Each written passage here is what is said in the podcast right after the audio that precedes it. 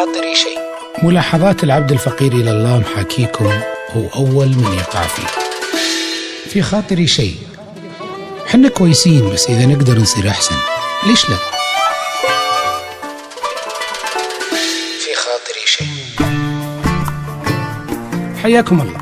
ما في شك أن الكرم من أطيب الخصال. عشان كذا تغنى العرب بالكرم من قديم الزمان. واعتبروا أن الكرم يغطي كل العيوب ويدمح كل زلة لكن من يقول أن الكرم مرتبط فقط بإعطاء المال أو بالذبايح والموائد اللي لها أول وما لها آخر؟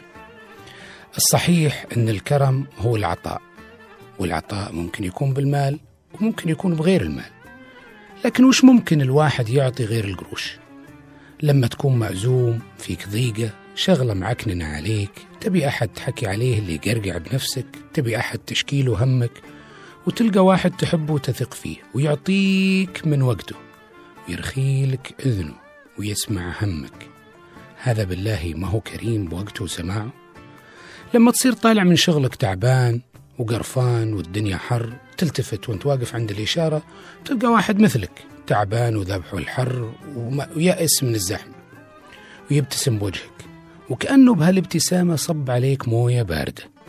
هذا مش كريم ببشاشته. لما يكون عندك أزمة في مادة علمية أو اشتريت جهاز جديد وما فهمت كيف تستخدمه تماما ويجلس واحد يفهمك ويشرح لك القصة كاملة وكيف تستفيد من هالشغلة.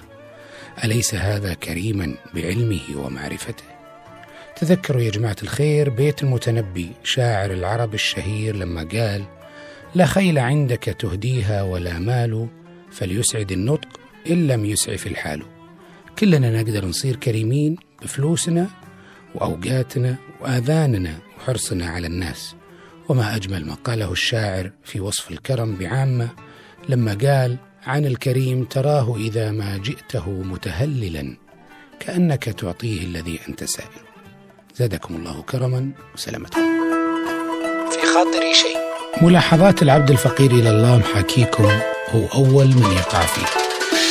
في خاطري شيء. حنا كويسين بس إذا نقدر نصير أحسن. ليش لا؟ في خاطري شيء.